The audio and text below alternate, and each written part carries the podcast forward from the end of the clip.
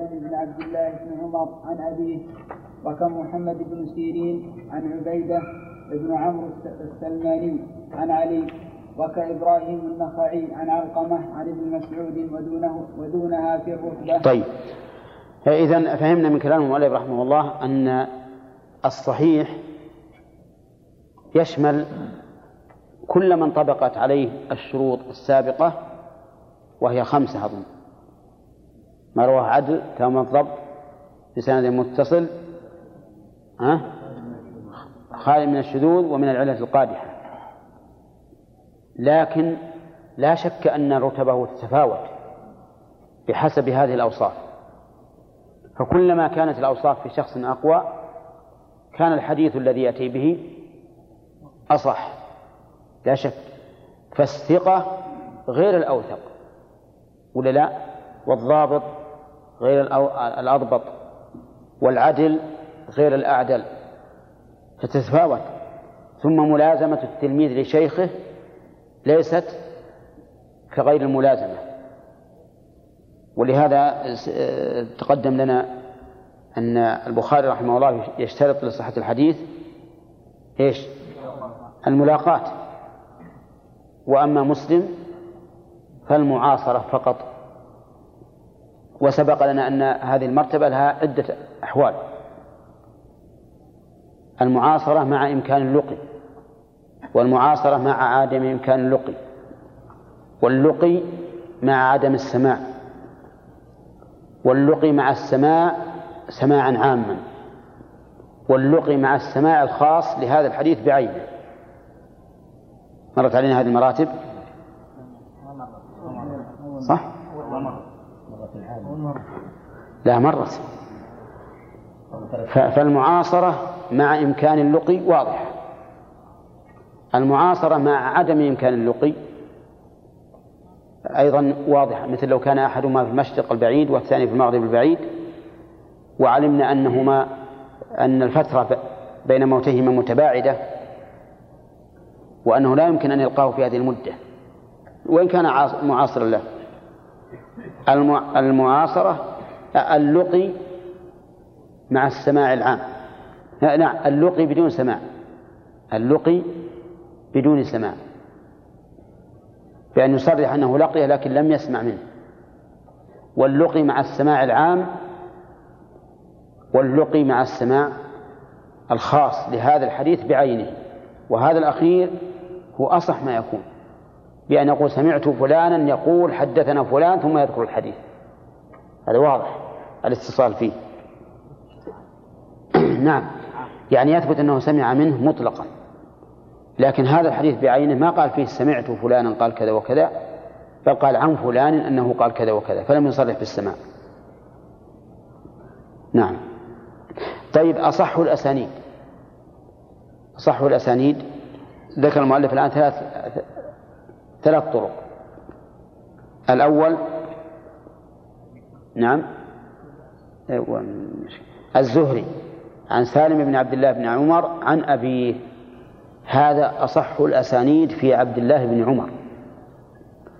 ولهذا أنكر بعض العلماء أن يكون هناك سند يعتبر أصح الأسانيد في الكلية على سبيل الإطلاق. قال إن هذا لا يمكن. وأنه ليس هناك شيء يسمى أصح الأسانيد إلا إضافيا.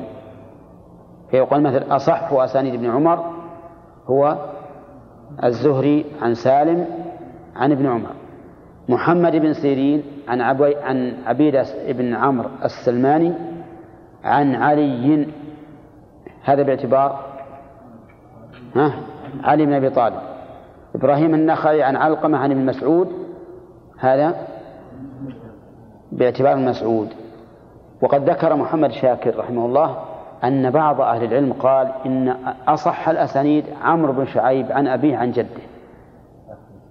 ها؟ أحمد شاكر. أصح الأسانيد عمرو بن شعيب عن أبيه عن جده. نعم. قال هذا في تعليقه على كتاب ابن كثير رحمه الله. الباعث الحديث الحديث في مصطلح الحديث. مع أن بعض العلماء يقول هذا هذا الإسناد ليس بشيء. ضعيف. شوف كيف اختلاف العلماء في هذه المسائل. نعم. على كل حال أن الأصحية المطلقة لا ينبغي أن نحكم بها. وإنما نقول إنها أصحية إضافية. نعم. طيب. دونها في الرتبة كرواية بريدة بن عبد الله بن أبي بن أبي بردة عن جده عن أبيه أبي. موسى. ها؟ إيه أنا ما عندي هاء. أنت عندك هاء؟ ها؟ من كيسك؟ الأحسن نقول من جفنك. ها؟ طيب. ودونها في الرتبة كرواية بريد بن عبد الله بن أبي بردة عن جده عن أبيه أبي موسى وكحماد بن سلمة عن ثابت عن ثابت عن أنس ودونها في الرتبة كسهيل بن أبي صالح عن أبيه عن أبي هريرة وكالعلاء بن عبد الرحمن عن أبيه عن أبي هريرة فإن الجميع يشملهم اسم العدالة والضبط لا تحر... لا لا تقطع الهمزة. فإن الجميع يشملهم اسم العدالة. يشملهم اسم. يشملهم اسم العدالة والضبط. إلا أن للمرتبة الأولى من الصفات المرجحة ما يقتضي تقديم روايتهم. تقديما. ما يقتضي تقديم روايتهم على التي تليها وفي التي تليها من قوة الضبط. ما يقتضي تقديمها على الثالثة وهي مقدمة على رواية من بعد ما ما ينفرد به من يعد؟ ها؟ من يعد وهي مقدمة على رواية من يعد ما ما ينفرد به حسنا كمحمد بن إسحاق عن عاصم بن عمر, عن جابر عن جابر وعمرو بن شعيب عن أبيه عن جده وقس على هذه المراتب ما يشبهها. ما يشبهها. ما يشبهها. الفائدة من هذا الترتيب الفائدة من ذلك هو أنه عند التعارض نقدم إيش؟ الأصح. نقدم الأصح. وأما إذا لم يكن تعارض فالجميع كله في درجة الصحة ويقبل. نعم. عن مالك عن نافع عن ابن عمر. أي. هذه اصح منها اي نعم ما أدري المؤلف إيش ما ذكرها. ولا هي مشهورة يسمونها أيضا سلسلة الذهب. والمؤلف ترى ما هو على سبيل الحصر لأنه قال الكاف الدالة على التمثيل. نعم. والمرتبة الأولى هي التي أطلق عليها بعض الأئمة أنها أصح الأسانيد والمعتمد عدم الإطلاق لترجمة معينة منها نعم يستفاد من مجموع ما أطلق. هذا ما أشرنا إليه قبل قليل أننا ما نطلق الأصحية المطلقة لكننا نقول إنها أصحية ها؟ مقيدة بالنسبة للرواية عن فلان. ما أطلق الأئمة عليه ذلك أرجحيته. أرجحيته. أرجحيته على ما لم يطلقوه ويلتحق بهذا التفاضل. ما اتفق الشيخان على تخريجه الشيخان من هي لغة العلم؟ الشيخان. نعم. ليش. صلى.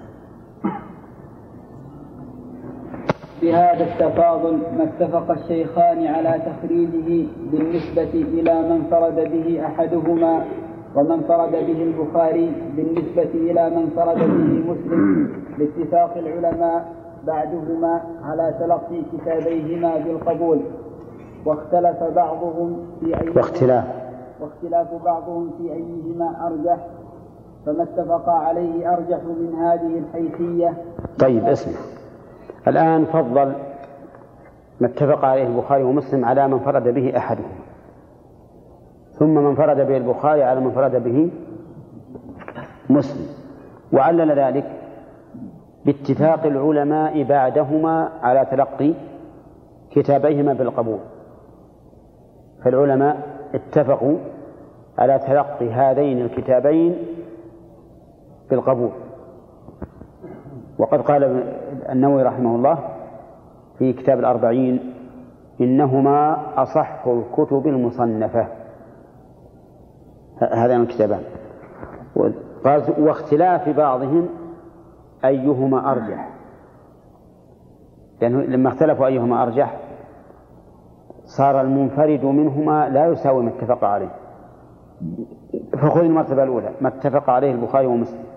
ثم ما انفرد به البخاري ثم ما انفرد به مسلم ثم ما كان على شرطهما ثم ما كان على شرط البخاري ثم ما كان على شرط مسلم.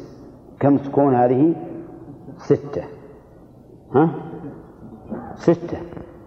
نعم. ما كان على شرطهما ولم يخرجاه أي نعم. ما خرجه هي معلوم. لو خرجه صار مما خرجه ممنوع السؤال. ها؟ نعم.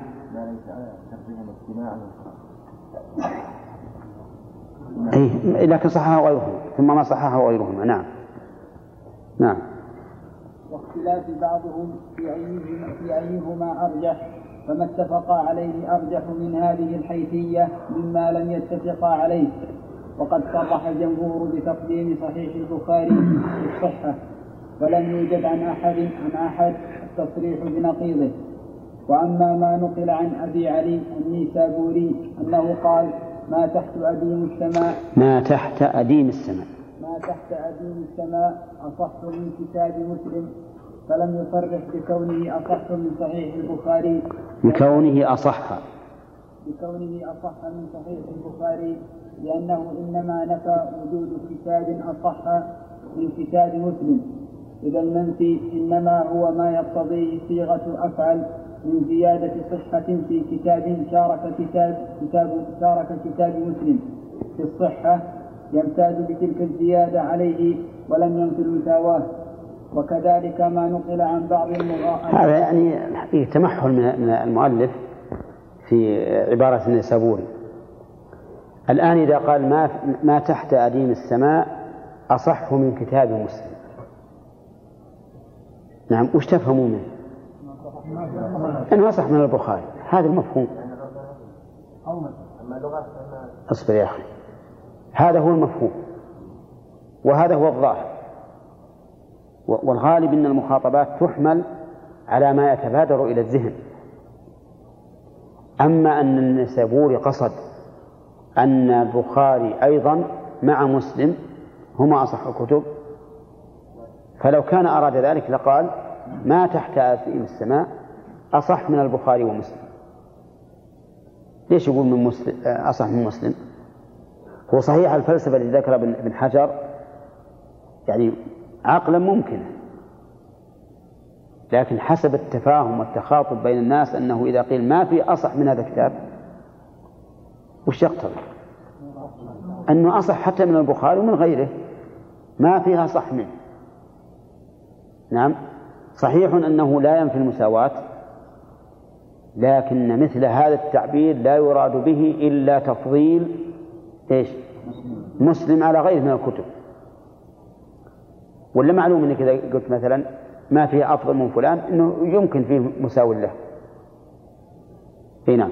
فالحاصل إن الجواب عما قاله النسابوري أن يقال هذا رايه في الموضوع نعم ولكن هل وافقه الناس على ذلك؟ لم يوافقوه. ونحن الآن نخاطب بلغة المصطلح. إذا جاء واحد انفرد بشيء وخالفه الناس وش يعتبر؟ شاذا. فيكون رأي ابن سبوري هذا شاذا ولا يعول عليه. نعم. نعم. وكذلك ما نقل عن بعض المغاربة أنه فضل صحيح مسلم على صحيح صحيح صحيح. أنه فضل صحيح مسلم على صحيح البخاري فذلك فيما يرجع إلى حسن السياق وجودة وجودة الوضع والترتيب.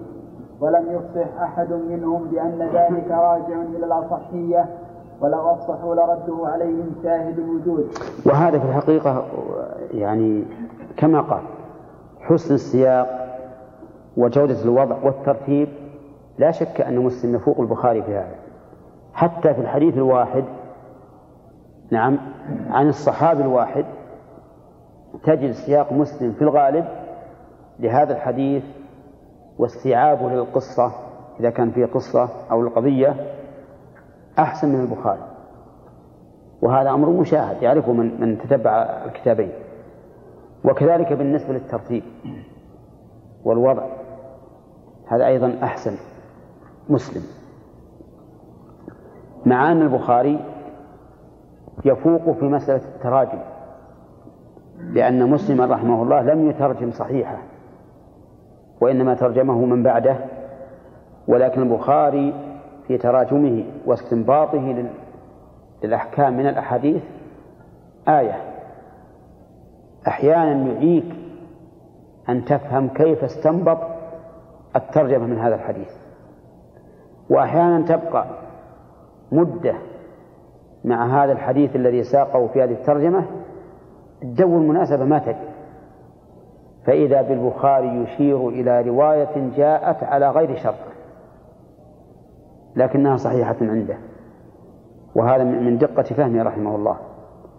إنما على كل حال الإنسان بشر.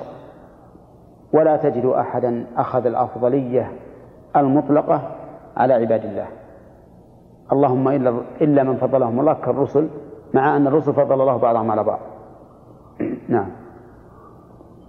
والصفات التي تدور عليها الصحة في كتاب البخاري أتم منها في كتاب مسلم وأشد وشرطه فيها أقوى. عندكم أشد ولا أسد؟ بالشين؟ ها؟ أسد طيب. وشرطه فيها أقوى وأشد. طيب.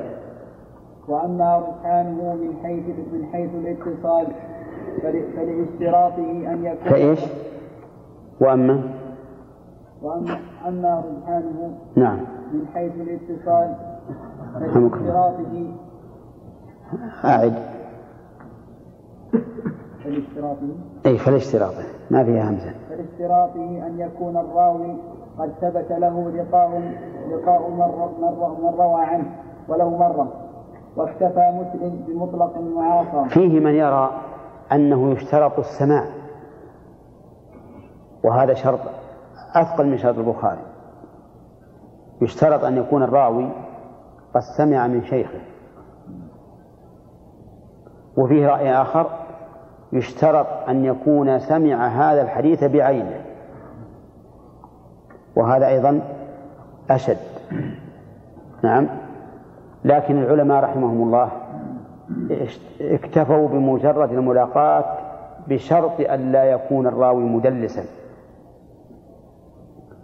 فإن كان مدلسا فسيأتينا إن شاء الله تعالى أنه إما أن يكون إذا لم يسمعه منه من باب التدليس أو من باب المرسل الخفي. على ما فيه من التفصيل إن شاء الله. نعم. وألزم البخاري بأنه يحتاج إلى أن لا يقبل العنعنة, أصلا وما ألزمه به ليس بلازم لأن الراوي إذا ثبت له العجيب أن مسلم رحمه الله في هذه المسألة اشتد واحتد على اشتراط الملاقاة وإذا قرأت تعجب كيف أنه يشتد هذا الشدة؟ مع أن الأقرب إلى العقل أنه ها؟ لا بد من الملاقاة. أما مطلق المعاصرة إذا لم تثبت الملاقاة فهي في النفس منها شيء. قبول الاتصال في مثل ذلك في النفس منه شيء. لا سيما في الزمن السابق والمواصلات قليلة متعبة. متى يأتي هذا إلى هذا؟ على كل حال يعني يتعجب الإنسان من اشتداد مسلم رحمه الله في هذه المسألة. مع أن اشتراط البخاري فيها أقرب للصواب. ولهذا يقول إنه يحتاج ان لا يقبل العنى عنه أصلا. هذا غير صحيح وليس بلازم البخاري لماذا؟ أجاب عنه ابن حجر قال لأن الراوي لأن الراوي إذا ثبت له اللقاء مرة إذا ثبت له اللقاء مرة لا يجري في رواياته احتمال أن لا يكون سمع منه.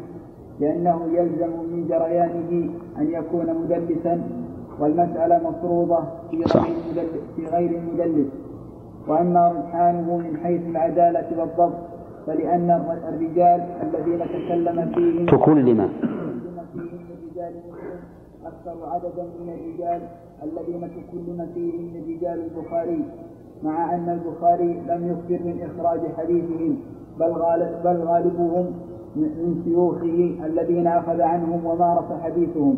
حديثهم. ومارس حديثهم بخلاف مسلم بخلاف مسلم في الأمرين. وأما رجحانه من حيث عدم الشذوذ والإعلان فلأن ما من انتقد عن من انتقد عن البخاري من انتقد. فلأن من انتقد على البخاري من الأحاديث أقل عددا ممن انتقد على مسلم. هذا مع اتفاق العلماء على أن البخاري كان أجل من أجل أجل. في العلوم. وأعرف بصناعة الحديث منه وأن مسلما تلميذه وخريجه ولم يزل يستفيد منه ويتتبع آثاره حتى قال الدار قطني لولا البخاري لما راح مسلم ولا جاء. الله أكبر. شوف الآن بيان الترجيح. يمكن آه، نرقمه الآن. طيب.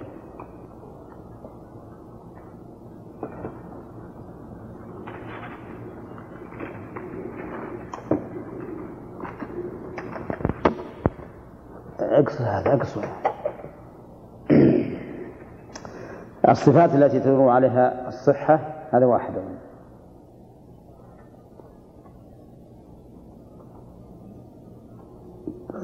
وأما مرجح مرجحان من حيث اتصال اثنين. ها؟ وأما رجحان الثلاثة رجحانه من حيث العدالة والضبط.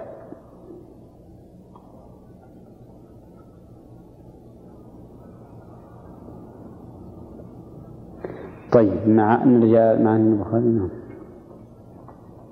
رجحان من حيث عدم الشذوذ.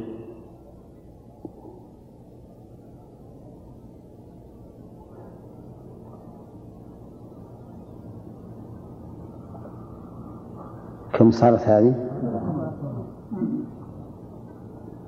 المفروض أن تكون خمسة. لأن لأنها عدل تام الضبط متصل السند سالم الشذوذ والعلة.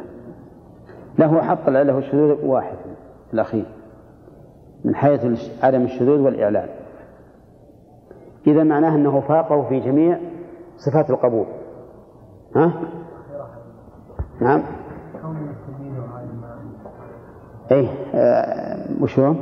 قالوا وعرضوا بصناعة الحديث من نعم ما هي واضحة؟ لا واضح لا لا هذه هذه خاصة بالشخص أي بالشخص نفسه يعني معناه أن هذا مرجح ما دام أنه أجل وأعرف ها؟ على إيش؟ على كان أجل من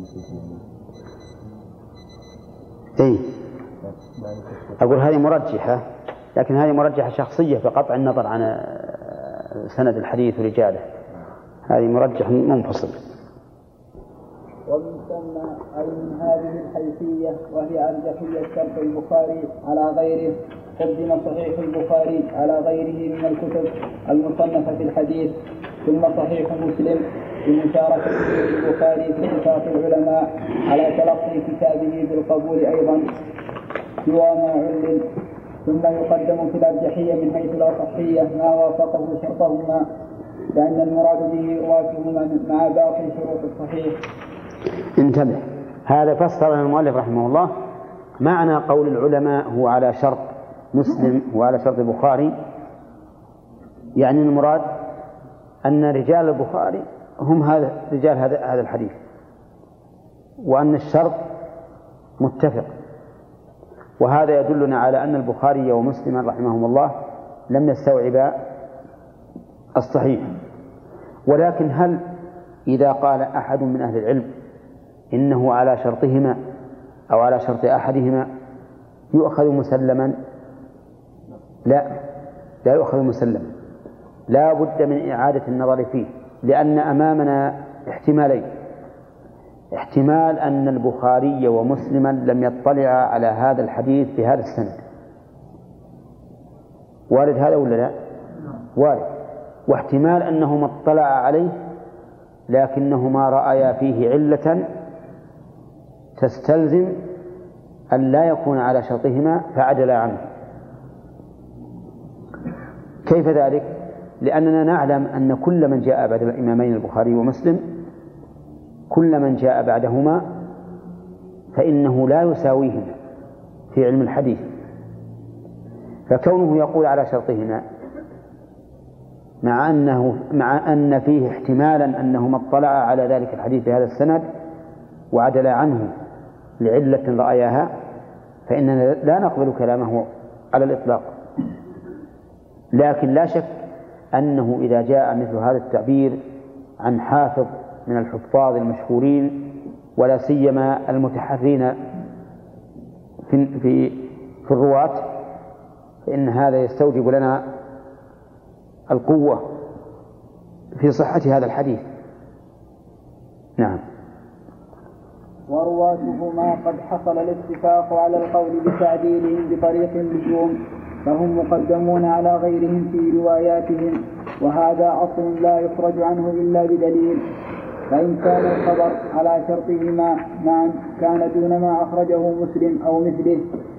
أو مثله. أو مثله.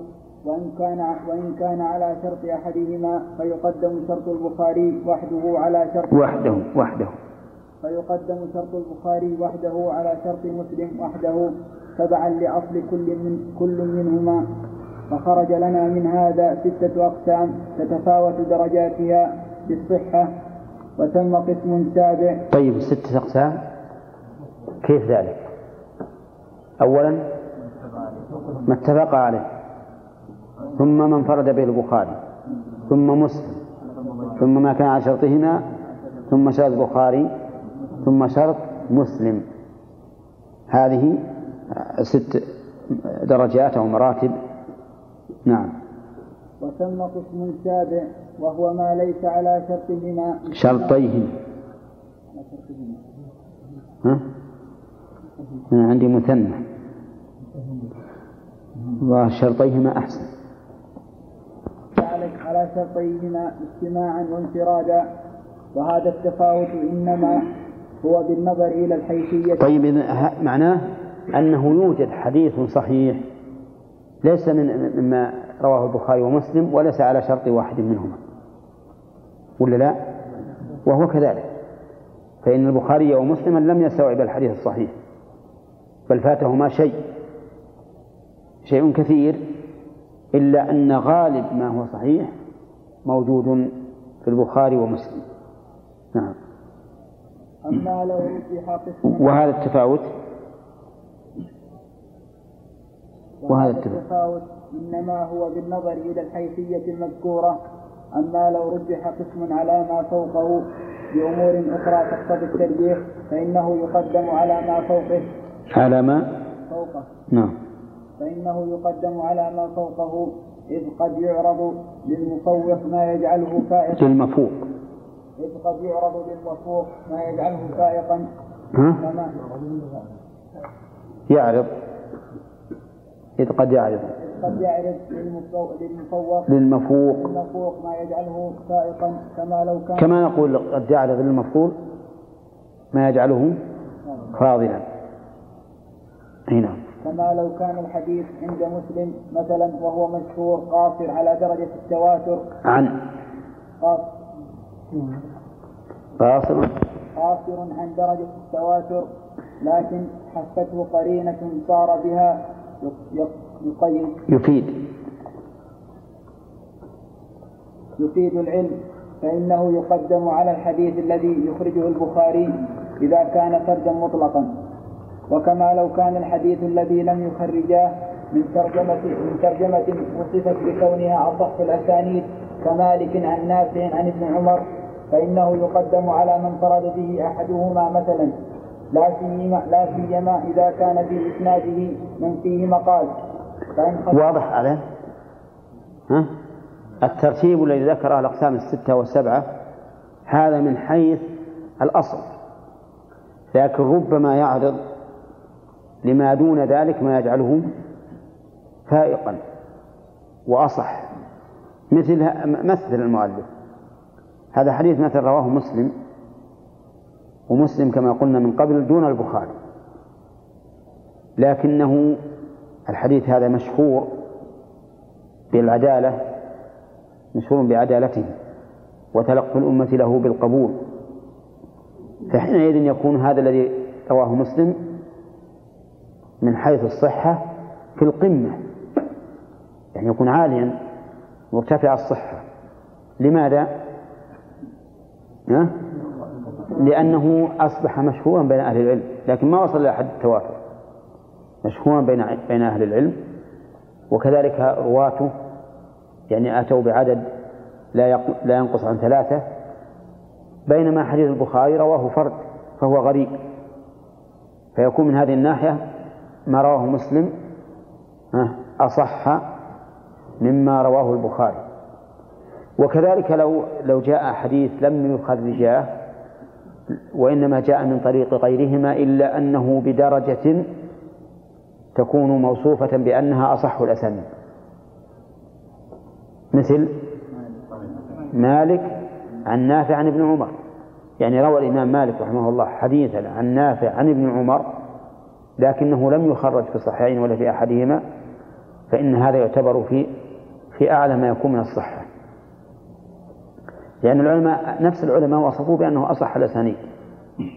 وعلى هذا فيكون ما سبق من من المراتب هذا باعتبار هذه المراتب من حيث هي هي فقط. أما إذا وجدت أمور أخرى ترجح المفضول حتى يلتحق بالفاضل فهذا أمر خارج عن هذا عن هذا الترتيب. اي نعم.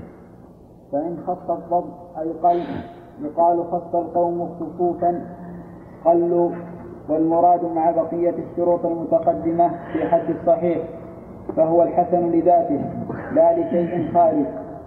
إذا إذا نقول في تعريف الحسن هو ما رواه عدل ها؟ خفيف الضبط بدل تام الضبط. نعم؟ متصل السند ها؟ غير معلل ولا شاذ. هذا هو الحسن. فيكون ناقصا عن رتبة الصحيح بكون راويه خفيف الضبط. طيب هناك شيء آخر وهو ضعيف الضبط. ضعيف الضبط. هذا ماذا يكون حديثه؟ يكون ضعيفا. هنا وهو الذي يكون حسنه بسبب الاعتضاد نحو حديث مستور إذا تعددت طرقه. وخرج بالصراط باقي الأوصاف الضعيف. وهذا القسم من الحسن مشارك للصحيح في الاحتجاج به وإن كان دون دونه ومشابه له في, انقسامه إلى مراتب بعضها فوق بعض. وبكثرة طرقه يصحح وإنما يحكم له بالصحة عند تعدد الطرق لأن للسورة المجموعة قوة تجبر القدر الذي أصبر أصبر. طيب الآن عندنا يقول المؤلف لا لشيء خارج وهو الذي يكون حسنه بسبب الاعتراض. نحو نحو آه، حديث المستور. حديث المستور لا شك أنه من أحاديث ضعيفة لكنه إذا جاء له ما يعضده صار حسنا لذاته ولا لغيره؟ لغيره. إذا فالتمثيل في قوله رحمه الله وإن كان فيه إشكال يعني فيه نوع من الالتباس. قوله لا لشيء خارج وهو الذي يكون حسنه بسبب الاعتراض. ترى ما ليس يريد هنا تفسير الحسن لذاته. يريد تفسير الحسن بغيره. وخرج باشتراط باقي الأوصاف. وش باقي الأوصاف؟ العدالة. ومجرد الضبط واتصال السند والسلامة من الشذوذ والعلة. خرج بذلك الضعيف. طيب ما الذي يجتمع؟ يعني الحسن والصحيح يجتمعان في شيء. ذكره المؤلف في قوله مشارك للصحيح في الاحتجاج به وإن كان دونه. فصار يشارك الصحيح في كونه حجة. يعمل به ولا لا؟ يعمل به. والمسألة خلافية في العمل بالحسن إلا إذا وجد له شواهد. لأنهم يقولون ما دام الراوي خفيف الضبط فإنه كيف نثق بأن يكون ما رواه ثابتا عن النبي صلى الله عليه وسلم ونحن ملزمون بالعمل به؟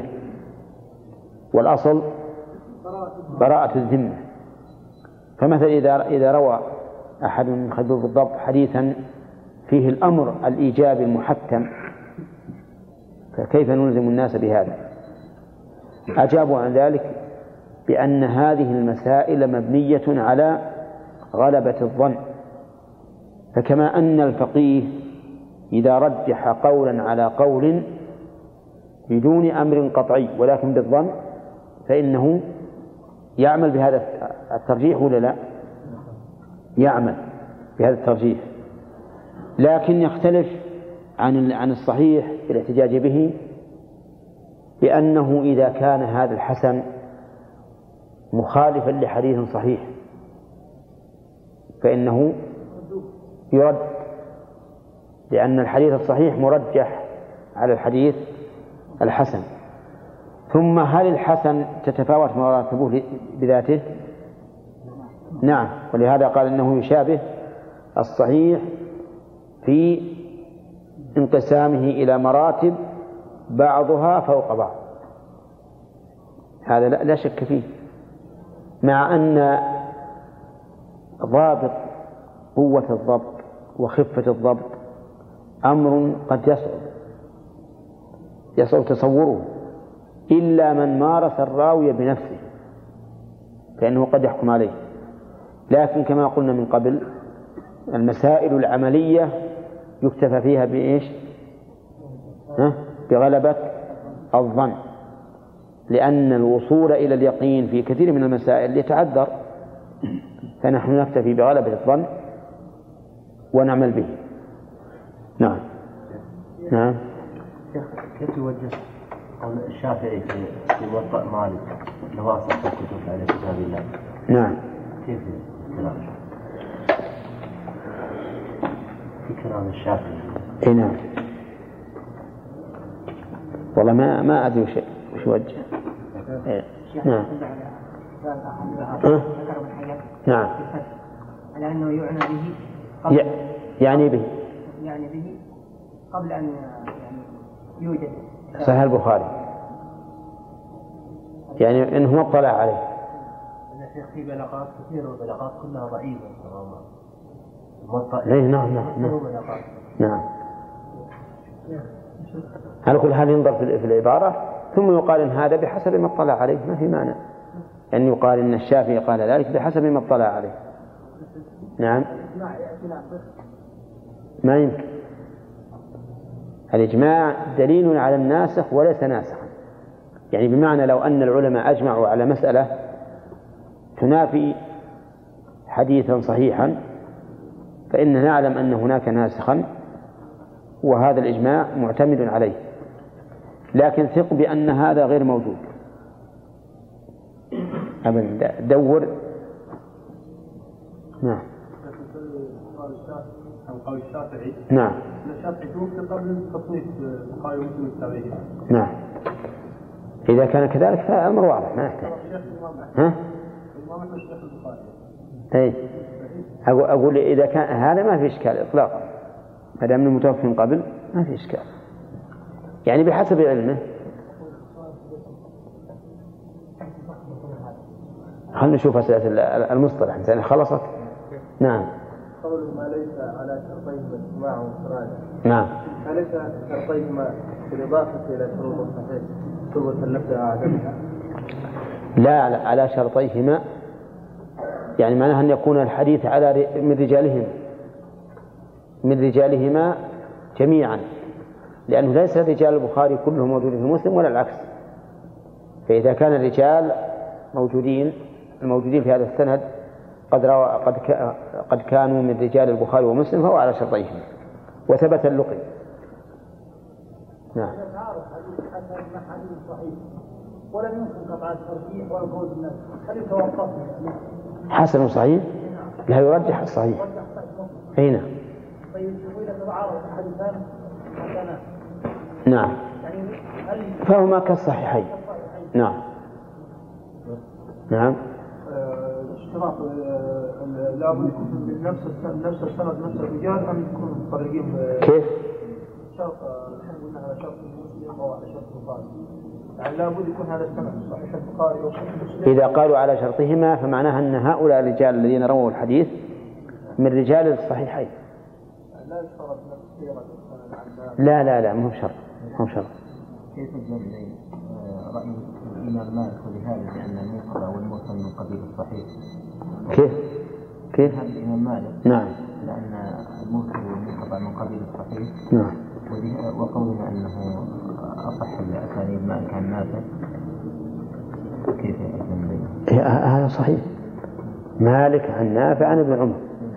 كله متصل هذا لأنه خالف الجمهور في ذلك. أقول متصل هذا السند. ما في انقطاع. نقول أنه ما رواه الإمام مالك أنه لا ما هو سؤال عبد الوهاب قصدك؟ الجمع بين إذا قلنا مالك عن نافع عن ابن عمر. متصل. مالك عن نافع عن عمر أو ما روى مالك عن أي ثقة نعم. هو ما يتصل يعني يرى أن المنقطع والمرسل من قبيل المتصل هذا عاد يعرف يعرف بالسياق. مثلا إذا قال حدثني أو سمعت أو ما أشبه ذلك عل- علم بأنه متصل. لا إحنا نحن نحن نقبل حتى الآن. مالك. ما نعرف. هل إن مالك رحمه الله يرى أن مجرد المعاصرة تحمل على السماع فيكون كصحيح مسلم. وهو أحيانا يقول بلغني كذا بلغني كذا. وي- وينسب ال- الحديث للصحابي. يمكن ما ما يسقط التابع. نعم. وبكثرة طرقه يصحح وإنما يحكم له بالصحة عند أنا عندي وبكثرة الطرق. الطرق عندكم؟ طرقه؟ نعم. أصح نسخة لنا ولا نعم. وإنما يحكم له بالصحة عند تعدد الطرق لأن للسورة المجموعة قوة تجبر القدر الذي لا أصل فإن جمع. اقرأ المتن فقط. اقرأ المتن إحنا شارحينه هذا وبكثرة الطرق صحيح إيه، طيب. زين أجل لا بأس. لأن للسورة المجموعة قوة تجبر القدر الذي قصر به ضبط راوي الحسن عن راوي الصحيح. نعم. لأن لأن الصورة لأن للسورة المجموعة قوة تجبر قوة قوة تجبر القدر. تجبر القدر الذي قصر به. قصر به. تجبر القدر الذي قصر قصر به قصر قصر به. قصر به ضبط راوي الحسن. عن راوي الصحيح. ومن ثم تطلق الصحة على الإسناد الذي يكون حسنا بذاته لو تفرد إذا إذا تعدد. وهذا حيث ينفرد الوصف. حيث ينفرد نعم. المؤلف رحمه الله بين أن الحديث الحسن إذا كثرت يعني أو الإسناد الحسن إذا كثر إذا كثرت طرقه فإنه يصح. لماذا؟ لأن كثرة الطرق تجبر القصور الذي حصل وهو خفة الضبط.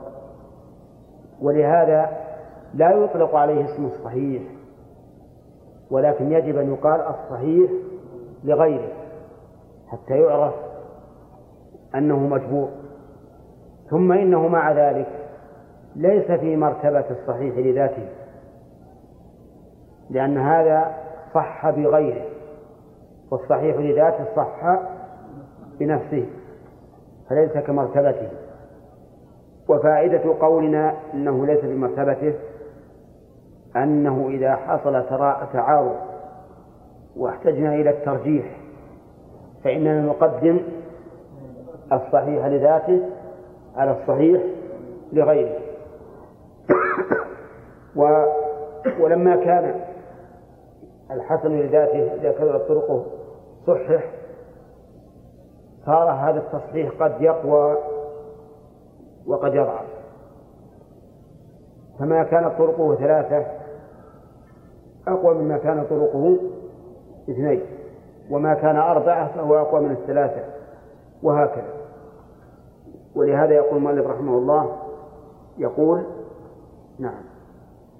فإن جمع أي الصحيح والحسن في وصف واحد كقول الترمذي وغيره حديث حسن صحيح. فللتردد الحاصل من المجتهد في الناقل هل اجتمعت فيه شروط الصحة. أو قصر عنها. وهذا حيث يحصل منه التفرد بتلك الرواية. وعرف بعضها وعرف. وعرف بهذا وعرف وعرف في هذا وعرف بهذا جواب من من استشكل من استشكال الجمع بين الوصفين. من استشكل الجمع. من استشكل الجمع بين الوصفين؟ جواب من استشكال؟ لا جواب من استشكل. هذا جواب من استشكل الجمع بين الوصفين. فقال الحسن قاصر عن الصحيح ففي الجمع بين الوصفين إثبات لذلك القصور ومحصل الجواب محصل الجواب. ومحصل الجواب أن تردد أئمة الحديث في حال ناقله يقتضى للمجتهد أن لا يصفه بأحد الوصفين. فيقال فيه حسن باعتبار وصفه عند قوم وغاية ما فيه أنه حذف منه حرف التردد لأن حقه أن يقول حسن أو صحيح وهذا كما حذف حرف العطف من الذي بعده. وعلى هذا فما قيل فيه حسن صحيح دون ما قيل فيه صحيح لأن الجزم أقوى من التردد وهذا من حيث التفرد. وإلا إذا لم يحصل التفرد بس المؤلف رحمه الله يقول إنه إذا جمع يعني قيل في حديث واحد إنه حسن صحيح. فكيف يصح هذا الجمع؟ لأن الحسن غير الصحيح. فالجمع بين بينهما جمع بين الشيء ومغايره. وهذا غير معقول. يقول المؤلف رحمه الله ينظر إذا كان السند واحدا يعني جاء الحديث من طريق واحد. وقال المخرج له كالترمذي أو غيره إنه حسن صحيح والطريق واحد. فمعناه أن هذا المخرج أو الناقل تردد. هل بلغ رتبة الصحة أو قصر عن رتبة الصحة؟ بناء على اختلاف العلماء في شروط الصحيح. فهو الآن متردد في هذا السند هل يبلغ درجة الصحة أو لا يبلغ. وعلى هذا فيكون الكلام على تقدير أو. يعني حسن صحيح حسن أو صحيح. حسن عند قوم وصحيح عند آخرين. فالناقل إذا متردد طيب أيما أصح على هذا؟ أن يقال هذا حديث صحيح أو صحيح حسن. حديث صحيح أحسن. لأن لأن الناقل جزم الآن بأن الحديث صحيح بلا تردد. أما إذا قال حسن صحيح باعتبار أنه شك هل بلغ الصحة فمعناه أنه متردد والجزم بالصحة أولى من التردد فيها. يقول المؤلف وبهذا وعرف بهذا جواب ما استشكل الجمع بين الوصفين فقال الحسن قاصر عن الصحيح. ففي الجمع بين الوصفين إثبات لذلك القصور ونفيه. صحيح ولا لا؟ الجمع بين الوصفين الحسن والصحة ها؟ فيه الجمع إثبات ذلك القصور ونفي ذلك القصور. لأن الحسن قاصر عن رتبة الصحيح. فإذا قلت حسن صحيح معناها أنك الآن أثبت أنه بلغ الصحة وأنه قصر عنها. وهذا يقول ومحصل الجواب أن تردد أئمة الحديث في حال ناقله اقتضى للمجتهد من المجتهد؟ الذي وصفه بأنه صحيح حسن نعم. المجتهد أن لا يصفه بأحد الوصفين فيقال فيه حسن باعتبار باعتبار وصفه عند قوم صحيح باعتبار وصفه عند قوم. وغاية ما فيه يعني غاية ما في هذا التركيب أنه حذف منه حرف التردد. وش حرف التردد؟ أو. يعني قال حسن أو صحيح حذف أو فقال حسن صحيح. لأن حقه أن يقول حسن إيش؟ أو صحيح. أنا عندي وهو صحيح. صحيح. وهذا كما حذف حرف العطف من الذي بعده. وش اللي بعده؟ اللي بعده هو وهو ما قيل فيه حسن صحيح باعتبار الطريقين. لأن تقديره كما سيأتي حسن وصحيح. المسألة الثانية تأتي. قال وعلى هذا فما قيل فيه حسن صحيح دون ما قيل فيه صحيح لأن الجزم أقوى من التردد. طيب أنت عرفت الفرق بين الصحيح والحسن؟ تام نعم. متصل السند؟ غير معلل ولا شاذ. خمسة شروط. طيب ما هو الحسن؟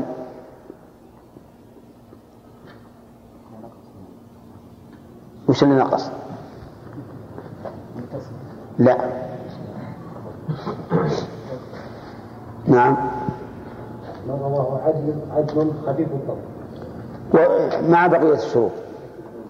ما رواه عدل خفيف الضبط مع بقية الشروط. يعني بسند متصل غير معلل ولا شاذ. فهمت الآن؟ وش الفرق بين الصحيح والحسن الآن؟ أن الصحيح ما رواه عدل تام الضبط سند متصل غير معلل ولا شاذ والحسن ما رواه يعني تام الضبط ما رواه خفيف الضبط. عدل خفيف الضبط. ها بسند متصل غير معلل طيب وش الفرق بينهم الآن؟ أن هذا خفيف الضبط وهذا تام الضبط. أيهما خفيف الضبط؟ الحسن. والصحيح؟ تام الضبط. طيب كيف نجمع بين حديث واحد ونقول هذا الحديث صحيح حسن؟ والحسن غير الصحيح. لما يقال هو حديث إذا كان من طريق من طريق فقال فيه حديث صح حسن صحيح. فالمعنى أن هذا الذي حكم عليه بهذا الحكم متردد. متردد. هل بلغ مرتبة الصحيح أو لا يزال في مرتبة الحسن؟ تمام ولا لا؟ إذا فالكلام على تقدير أو يعني حسن أو صحيح. حسن عند قوم أو صحيح وصحيح عند آخرين. فهمنا الآن؟ طيب. أيما أقوى أن يقال هذا حديث صحيح أو هذا حديث حسن صحيح؟ على هذا الاحتمال الأقوى؟ صحيح. لأنه لم يتردد في صحته. أما الأول فقد تردد. نعم. إذا كان بسند واحد يعني نقول إما أنه ما بلغ مرتبة الصحيح أو يعني أي نعم. بينهم يحتمل هذا وهذا. أو نقول إنه يعني جماعة صححه وجماعة قالوا إنه حسن كذا. لا لا هذا شيء آخر. هذا إذا إذا علم يقول يقول في مثل هذا يقولون صححه فلان ولم يصحه الآخر. لكن إذا كان متردد هل بلغ رتبة الصحة أو الحسن؟ لأنه إن نظر إلى اصطلاح قوم قال إنه صحيح. وإن نظر إلى اصطلاح آخرين قال إنه حسن. وكذلك قد يكون باعتبار شكه في حال الراوي. هل إن الراوي بلغ تمام الضبط أو لم يبلغ؟ فيقول حسن أو صحيح. هو جاء وقت الأسئلة طيب. لأنه إذا قال صحيح إذا قال صحيح معناه أنه جزم بأنه صحيح. وإذا قال حسن صحيح معناه أنه متردد. طيب انظر الاحتمال الثاني. وإلا إذا لم يحصل التفرد فإطلاق الوصفين معا على الحديث يكون باعتبار إسنادين أحدهما صحيح والآخر حسن. فما قيل وعلى هذا فما قيل فيه حسن صحيح فوق ما قيل فيه صحيح فقط إذا كان فردا لأن كثرة الطرق تقوي. طيب إذا قال إذا قال الناقل كالترمذي مثلا أو غيره من العلماء هذا حديث حسن صحيح وكان لهذا الحديث طريقان. أحدهما قد بلغ مرتبة الصحة. والثاني قد بلغ لم يبلغ مرتبة الصحة بل هو في درجة الحسن. صار معنى قوله حسن صحيح. حسن باعتبار الطريق رقم واحد وصحيح باعتبار الطريق رقم اثنين. واضح؟ وبناء على ذلك يكون ما قيل فيه صحيح حسن أقوى مما قيل فيه صحيح فقط إذا كان هذا فردا أي الذي يقول فيه صحيح أنه فرد ما جاء من طريقين. واضح؟ لماذا؟ لأن الذي قيل فيه صحيح حسن تقوى. تقوى بالطريق الثاني اللي هي حسن. تمام؟ طيب. إذا إذا جاءنا حديث قال فيه العلماء إنه صحيح حسن. فيجب أن نبحث عن طريقه. إذا كان من طريقين عرفنا أن مراده ها باعتبار الإسنادين أن أحد الإسنادين صحيح وأن الثاني حسن. وعلى هذا فيكون يكون هذا أقوى من قولهم صحيح فقط إذا كان الصحيح فردا. أما لو جاء من طريقين وكلاهما صحيح فإن فإن قولنا صحيح أقوى من قولنا حسن صحيح. إذا فتشنا في هذا الحديث ووجدنا أنه لم يأتي إلا من طريق واحد وقال الناقل فيه إنه صحيح حسن. فالمعنى؟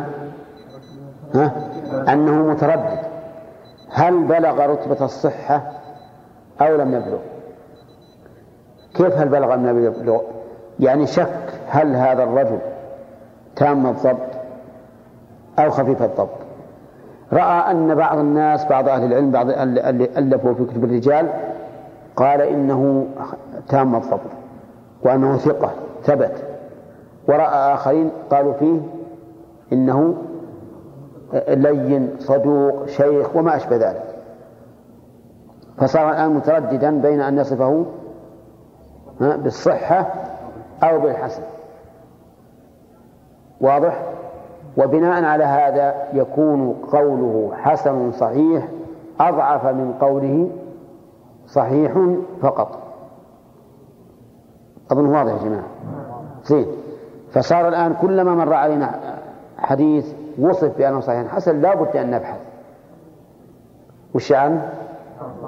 عن طرقه. بحثنا فوجدنا له طريقين. رقم واحد حسن ورقم واحد صحيح. نقول إن الذي وصفه بأنه صحيح حسن راعى إيش؟ راعى الطريقين. فهو حسن باعتبار هذا الطريق رقم واحد وصحيح باعتبار رقم اثنين. وعلى هذا فيكون وصفه بذلك يزداد بوصف يزداد بوصف ذلك قوة. ويكون أقوى مما قيل فيه. صحيح فقط إذا كان الذي قيل فيه صحيح فردا ما له طريق واحد. أما إذا بحثنا عما قيل فيه صحيح حسن ولم نجد له إلا طريقا واحدا فمعناه أن الناقل الذي وصفه بهذا الوصف قد تردد هل هذا الطريق يصل إلى درجة الصحة أو هو في درجة الحسن؟ وبناء على ذلك يكون ما قيل فيه صحيح أقوى مما قيل فيه صحيح حسن. طيب ما ما هو الحرف الذي نقدره وهو محذوف؟ على الثاني على الثاني أو وعلى الأول اللي هو طريقين. الواو نعم. إذا كان من طريقين معناه التقدير صحيح وحسن. وإذا من طريق واحد معناه صحيح أو حسن. نعم. عادل. نعم. نعم. اي نعم. هو هذا متفق على أنه صحيح. بيجينا اصطلاح الترمذي له اصطلاح خاص. الترمذي له اصطلاح خاص في صحيح حسن ويذكر المؤلف. ها؟ ليس في مصر صحيح من ناحية سنده وحسن من ناحية متنه لا لا لا هو قصد السند. المتن يوصف بالشذوذ أو النكارة. نعم. شيخ هل هناك ضابط لتصحيح الحديث الضعيف مجموع الطرق؟ إيه له ضابط.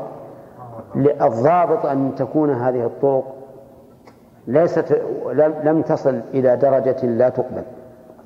مثل لو كان روه كلهم متروكين. كلهم متروكين. المتروك هو المتهم بالكذب. هذا لو يجينا من الطريق ما ما نقبلها. أو كلهم مضاعون. الرواة كلهم من المعروفين بالوضع. جانا ألف واحد لكنه كذاب. يزداد ولا ما يزداد ما يزداد لكن لكن مرادهم اللي, اللي ينجبر إذا كان مثلا مستور الحال. مستور الحال أو لين الحديث قيل في لين الحديث أو في حديثه نظر أو ما أشبه ذلك. مما سيأتينا إن شاء الله في مراتب بعضهم إذا صح مثلا حديث مثل طرق قال يعني على اصطلاح اصطلاح المحدثين أو اصطلاح اصطلاح على مصطلح الحديث. إي نعم نعم. صحح مجموع طرق أو بالشواذ. إي نعم هم هكذا لكن معلوم لأن لأن اللي رده يرى أن هذه الطرق ضعيفة ضعفا لا ينجبر بعضها ببعض. لا ينجبر بعضها ببعض. الآن أنت الخبر الدنيوي الآن إذا جاك إنسان المخبرين كلهم ناس دجالين تقبله ولا لا؟ لو يجي لو يجيك كل اللي في البلد ما ما قبلته. وإذا صلى أنهم فيهم نظر فإن تعدد الطرق يدل على أن الشيء له أصل. ها؟ غير الترمذي العلماء الترمذي سيأتي الجواب عنه لأن الترمذي له اصطلاح. غير الترمذي هذا اصطلاح. إنك تنظر في في في سند الحديث إذا كان من طريق واحد فهذا للتردد. إذا كان من طريقين فهذا للجمع. أي أحد الطريقين صحيح والطريق الآخر حسن. فإن قيل قد صح قد صرح الترمذي بأن شرط الحسن أن يروى من غير وجه. فكيف يقول في بعض الأحاديث حسن غريب لا نعرفه إلا من هذا الوجه؟ فالجواب أن الترمذي لم يعرف الحسن مطلقا وإنما عرف لم يعرف. أن الترمذي لم يعرف لم يعرف الحسن مطلقا وإنما عرفه بنوع خاص. طيب أنتم فهمتم الآن الترمذي رحمه الله يقول إن الحسن هو ما روي عن غير وجه من غير وجه. تقدموا هنا. وش معنى من غير وجه؟ يعني من وجهين فأكثر. هذا الحسن عند الترمذي ما روي من غير وجه أي من وجهين فأكثر إذا كان كذلك كيف يستقيم قوله؟ زد. كيف يستقيم قوله؟ حسن غريب. لأن المعروف أن الغريب ما جاء من وجه واحد. وهو يرى أن الحسن ما جاء من غير وجه. فهذا تناقض. جمع بين النقيضين أو بين المتضادين. فهذا الإيراد أورده ابن حجر رحمه الله لأن العلماء استشكلوه. فأجاب عنه. والجواب استمع إليه. فالجواب أن الترمذي لم يعرف الحسن مطلقا وإنما عرفه بنوع خاص منه وقع في كتابه وهو ما يقول فيه حسن من غير صفة أخرى. وذلك أنه يقول فيه إذا انفك الإشكال.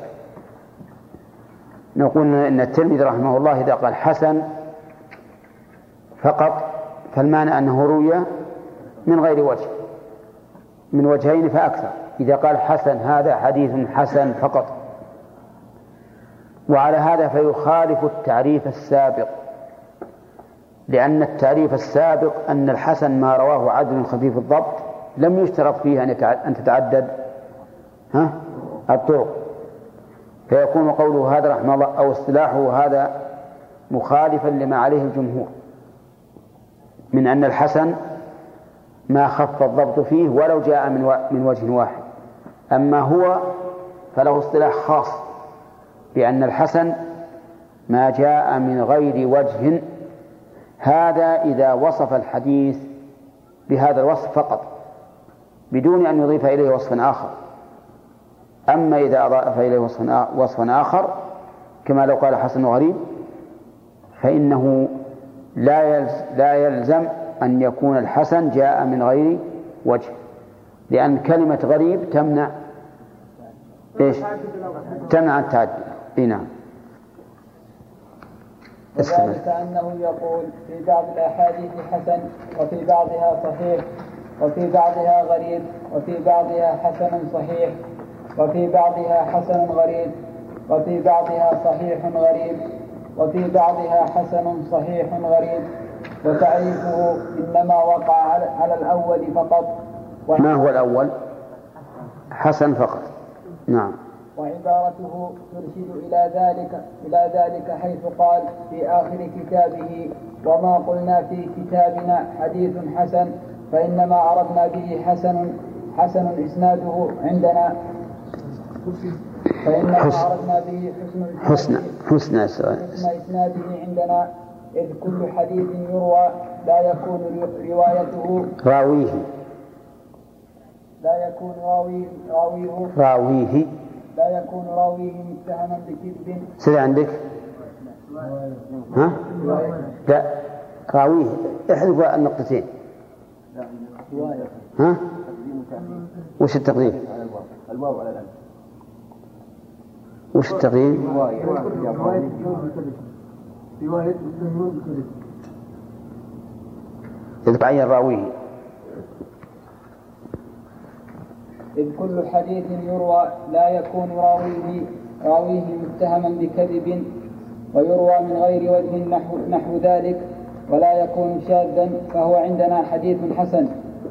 فعرفه بهذا فعرف بهذا. فعرف بهذا أنه إنما عرف الذي الذي يقول فيه حسن فقط أما ما يقول فيه حسن صحيح أو حسن غريب أو حسن صحيح غريب فلم يعرج عليه على تعريفه. فلم يعرج. فلم يعرج على تعريفه كما لم يعرج على تعريف ما يقول فيه صحيح فقط أو غريب فقط وكأنه ترك ذلك استغناء استغناء بشهرته عند أهل الفن واقتصر على تعريف ما يقول في فيه في كتابه حسن فقط إما لغموضه وإما لأنه اصطلاح جديد وذلك ولذلك قيده بقوله عندنا ولم ينسبه إلى أهل الحديث كما فعل ولم ولم ينسبه ليش؟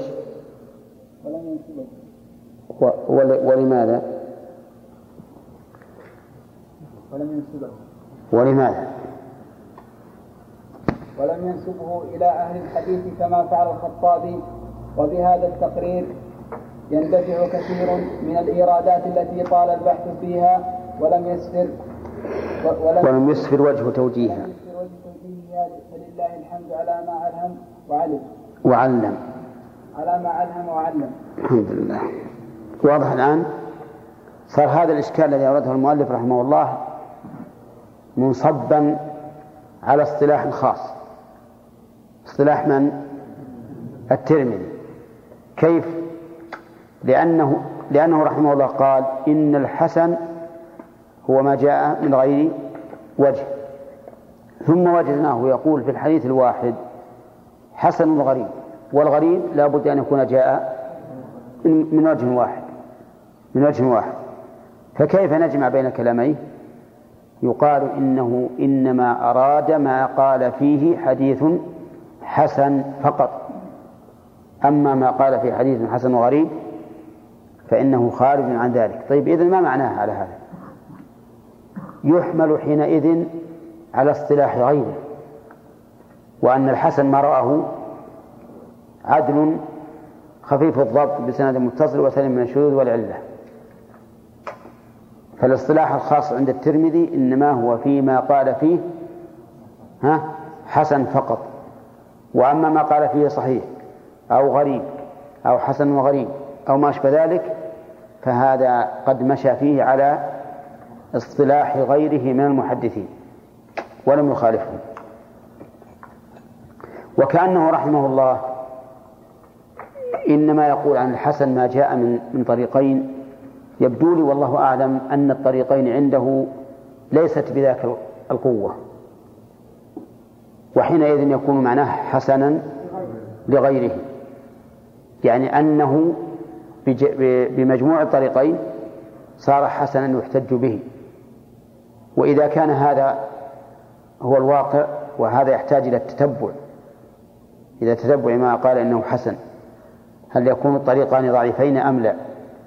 فإن كان كذلك فإنه أيضا لم يخرج عن إيش؟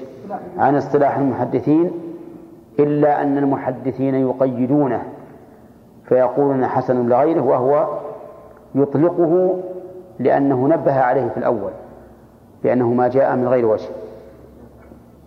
نعم. على هذا أول من قال بالحسن. نعم. الترمذي رحمه الله. أول من اخترع إيه لكن العلماء خالفوه في ذلك. فاصطلحوا اصطلاحا آخر غير اصطلاحه ما هو ليس معناه أن أن العلماء وافقوه في رأيه. نعم. أي أي نعم المتن وزيادة راوي بما مقبولة ما لم تقع منافية لمن هو أوثق فإن خولف بأرجح فالراجح المحفوظ ومقابلة ومقابلة مقابله. ومقابله الشاذ. ومع الضعف فالراجح المعروف ومقابله المنكر. بسم الله الرحمن الرحيم. قال المؤلف رحمه الله تعالى وزيادة راويهما مقبولة. زيادة راويهما الضمير يعود على الصحيح والحسن. وراويهما هو من كان عدلا تام الضبط بالنسبة للصحيح أو عدلا خفيف الضبط بالنسبة للحسن. لأن الحديث الحسن ما رواه عدل خفيف الضبط متصل السند غير معلل ولا شاذ. والصحيح ما رواه عدل تام الضبط متصل السند غير معلل ولا شاذ. هذا هو هذا هو الحسن هذا هو الصحيح. إذا زاد من اتصف بالعدالة والضبط ولو خفيفا إذا زاد على غيره زيادة. فهل هي مقبولة أو غير مقبولة؟ لا. زيادة في نعم. فيه فيه تفصيل. التفصيل الأول إما أن تكون منافية لمن هو أرجح أو غير منافية. فإن كانت منافية لمن هو أرجح لم تقبل. لماذا؟ لأن لأن من هو أرجح يجب أن يؤخذ به دون المرجوح. وهذه قاعدة عقلية مقررة عند كل أحد. إذا لم تكن منافية لمن هو أرجح فإنها تكون مقبولة. لأنها زيادة من ثقة فوجب قبولها. وجب قبوله وهذا لا شك فيه ما لم تكن الألفاظ من الألفاظ التي يتعبد بها وتكون محددة. فإن زيادة الثقة يكون في النفس منها شيء. لأن مثل الأحاديث المتعبد بها تكون غالبا محفوظة ومعتنى بها لأن الناس يطبقونها تطبيقا عمليا. فإذا وقعت منافية لمن هو أرجح ففي قبولها شيء من الشك. أما إذا لم يكن الأمر من الأمور التعبدية كما لو كان في في البيوع أو في الأنكحة أو ما أشبه ذلك ووردت زيادة من بعض الرواة الذين هم في مرتبة الصحة أو الحسن فإنها تقبل. نعم.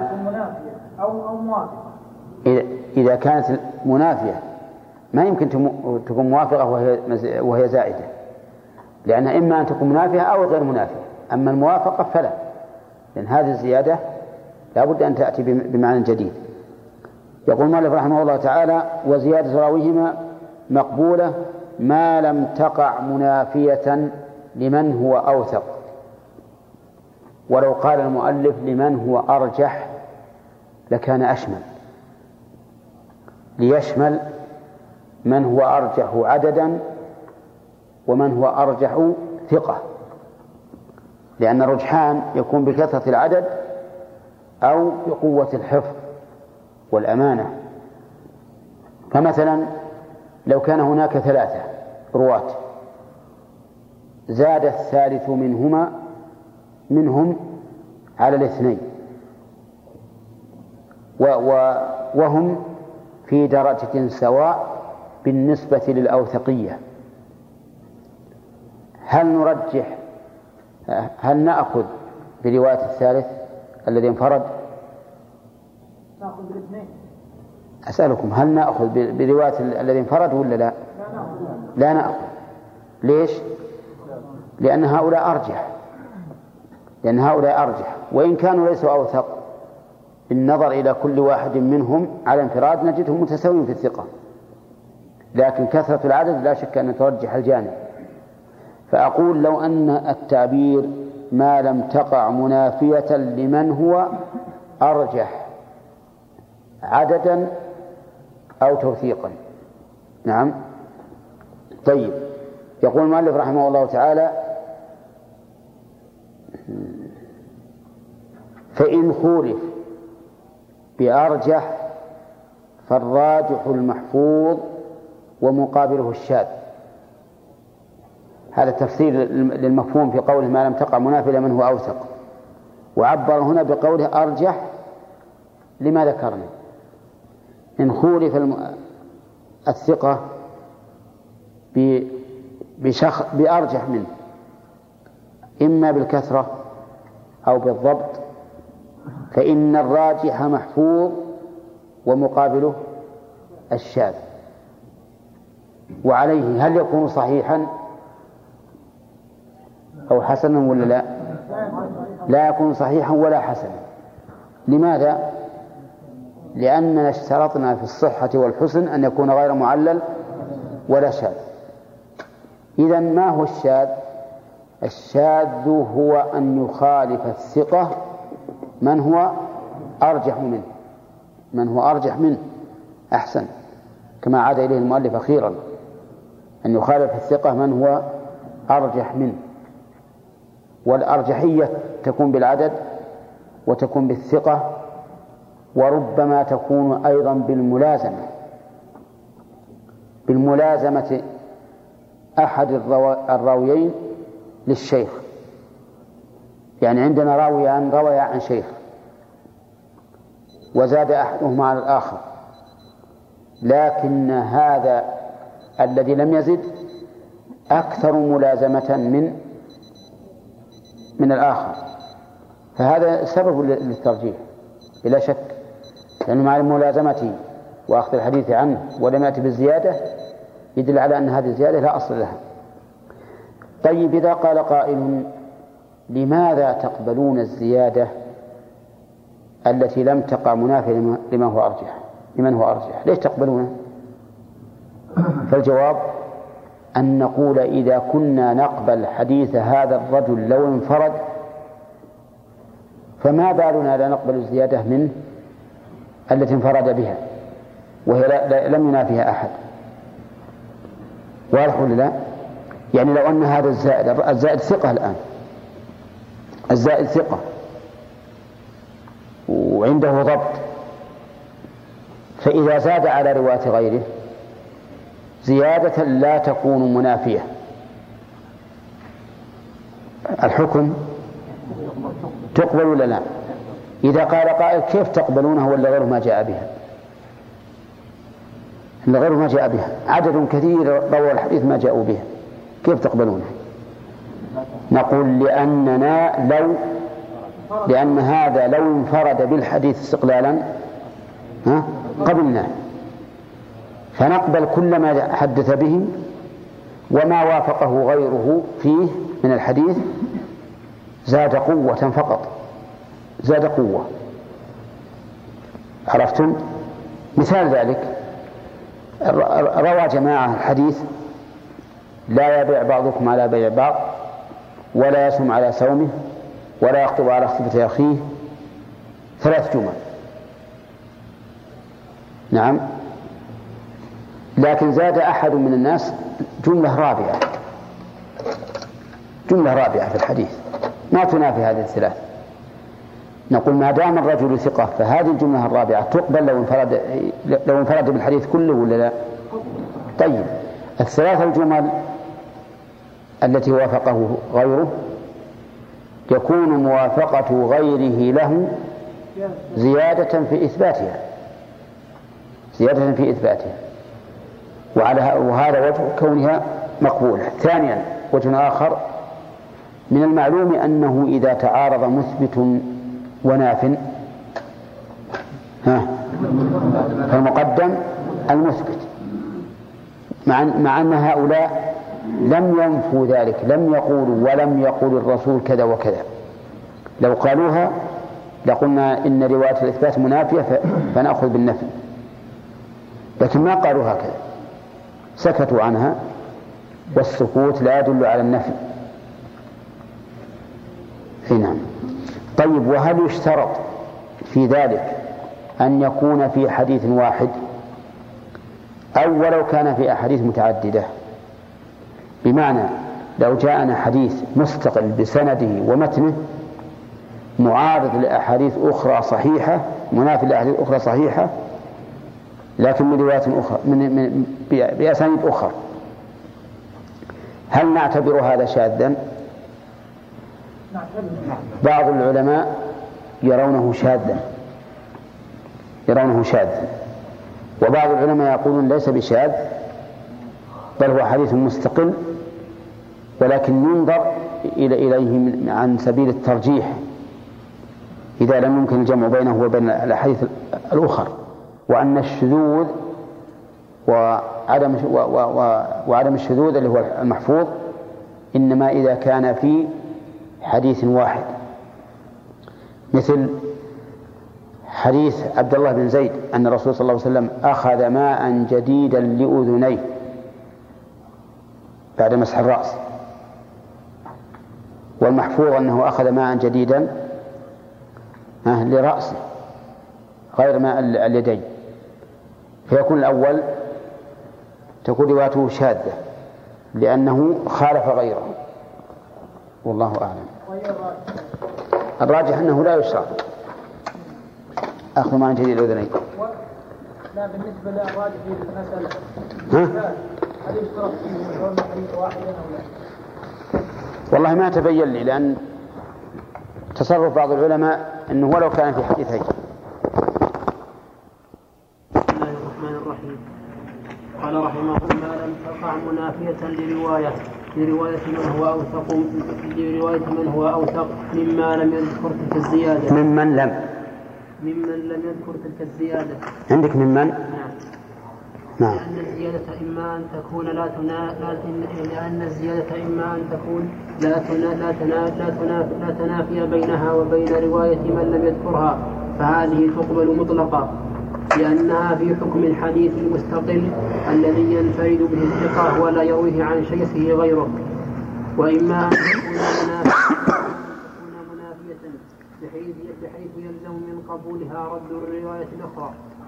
فهذه التي يقع الترجيح بينها وبين معارضها فيقبل الراجح ويرد المرجوح.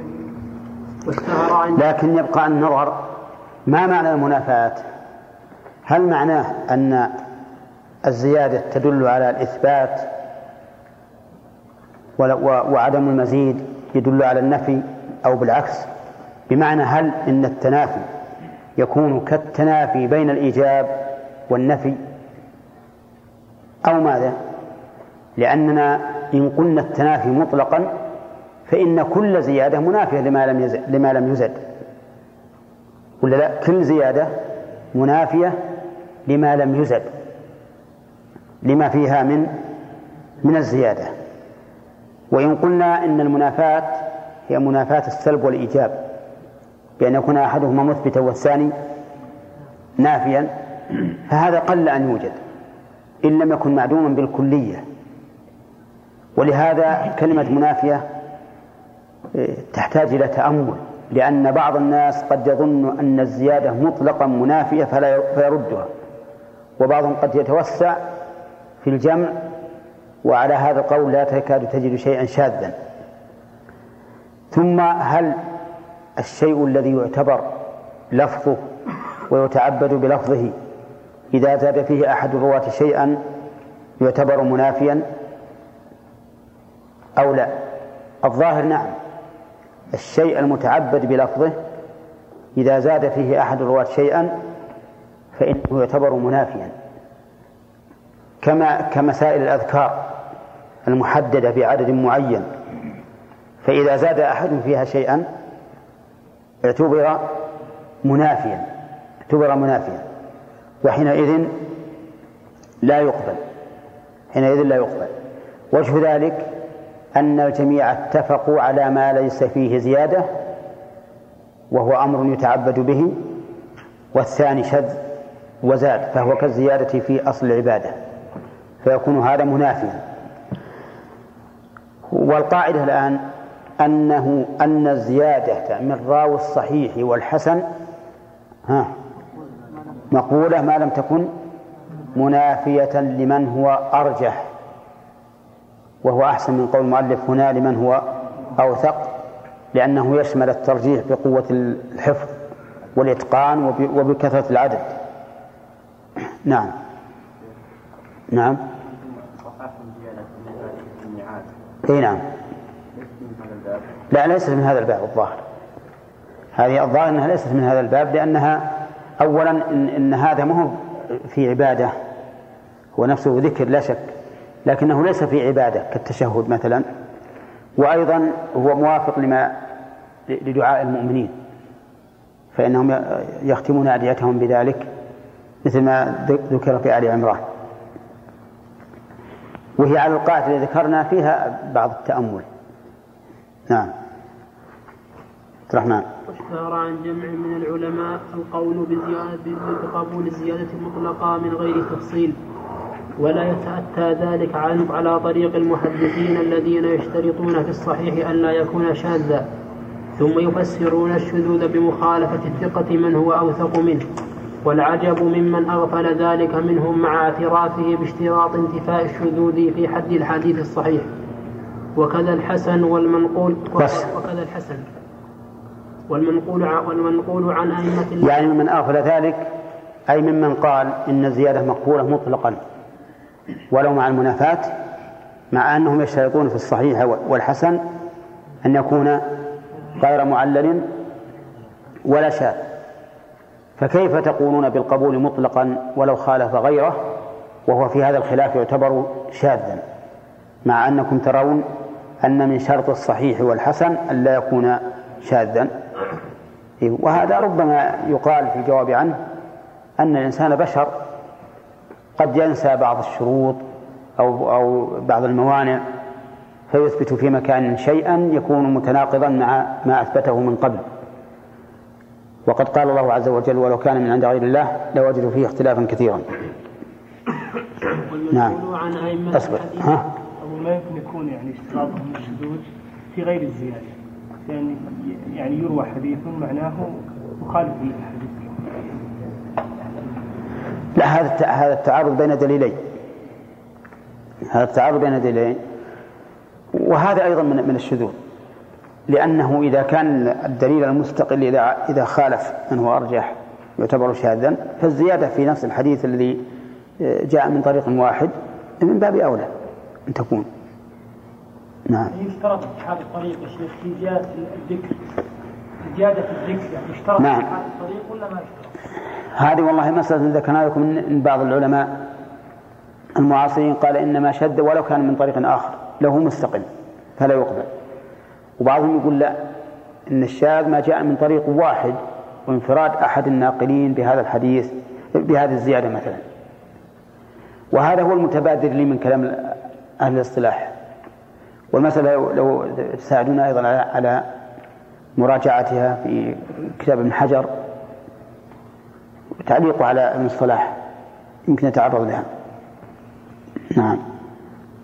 والمنقول عن أئمة الحديث المتقدمين كعبد الرحمن بن مهدي ويحيى القطان وأحمد بن حنبل وأحمد بن حنبل وليش؟ وأحمد بن حنبل ويحيى بن معين وعلي وعلي بن المديني والبخاري وأبي زرعة وأبي حاتم والنسائي والدار قطني وغيرهم. اللهم اغفر لهم. نعم. واعتبار الترجيح فيما يتعلق بالزيادة وغيرها ولا يعرف عن أحد منه- منهم إطلاق قبول الزيادة. وأعجب من ذلك إطلاق كثير من الشافعية إطلاق كثير من الشافعية القول بقبول زيادة الثقة مع أن نص الشافعي يدل على غير ذلك. فإنه قال في أثناء كلامه على ما يعتبر به حال الراوي في ضوء ما نصه ويك- ويكون إذا أشرك أحدا من الحفاظ لم يخالف فلم يخالف فإن خالفه فوحده فإن خالفه فوجد حديثه أنقص كان ذلك كان ذلك في- دليل على صحة كان في ذلك. كان في ذلك. كان في ذلك دليل على صحة مخرج حديثه. ومتى خالف ما وصف, ما وصف أضر ذلك بحديثه. انتهى كلامه. ومقتضاه أنه إذا خالف فوجد حديثه أزيد أضر ذلك بحديثه. فدل على زيادة العدد عنده فدل على زيادة العدد عنده لا يلزم قبولها مطلقا. إيش؟ فدل على أن زيادته أن فدل على أن زيادة العدل عنده. أنتم عندكم على أن زيادته فدل على أن زيادة العدل عنده لا يلزم قبولها مطلقا. وإنما تقبل من الحافظ فإنه اعتبر أن يكون حديث هذا المخالف أنقص من حديث من خالفه من الحفاظ. وجعل نقصان هذا الراوي من نقصانا وجعل نقصان هذا الراوي من الحديث دليلا على صحته لأنه يدل على تحريه وجعل, وجعل ما عدا ذلك مضرا بحديثه فدخلت فيه الزيادة.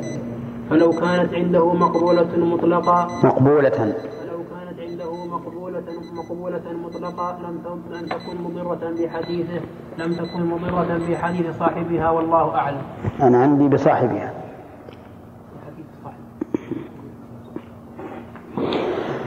طيب فهمنا من كلام الشافعي رحمه الله أنه إذا انفرد الثقة عن الرواة بنقص بنقص فإن ذلك لا يضره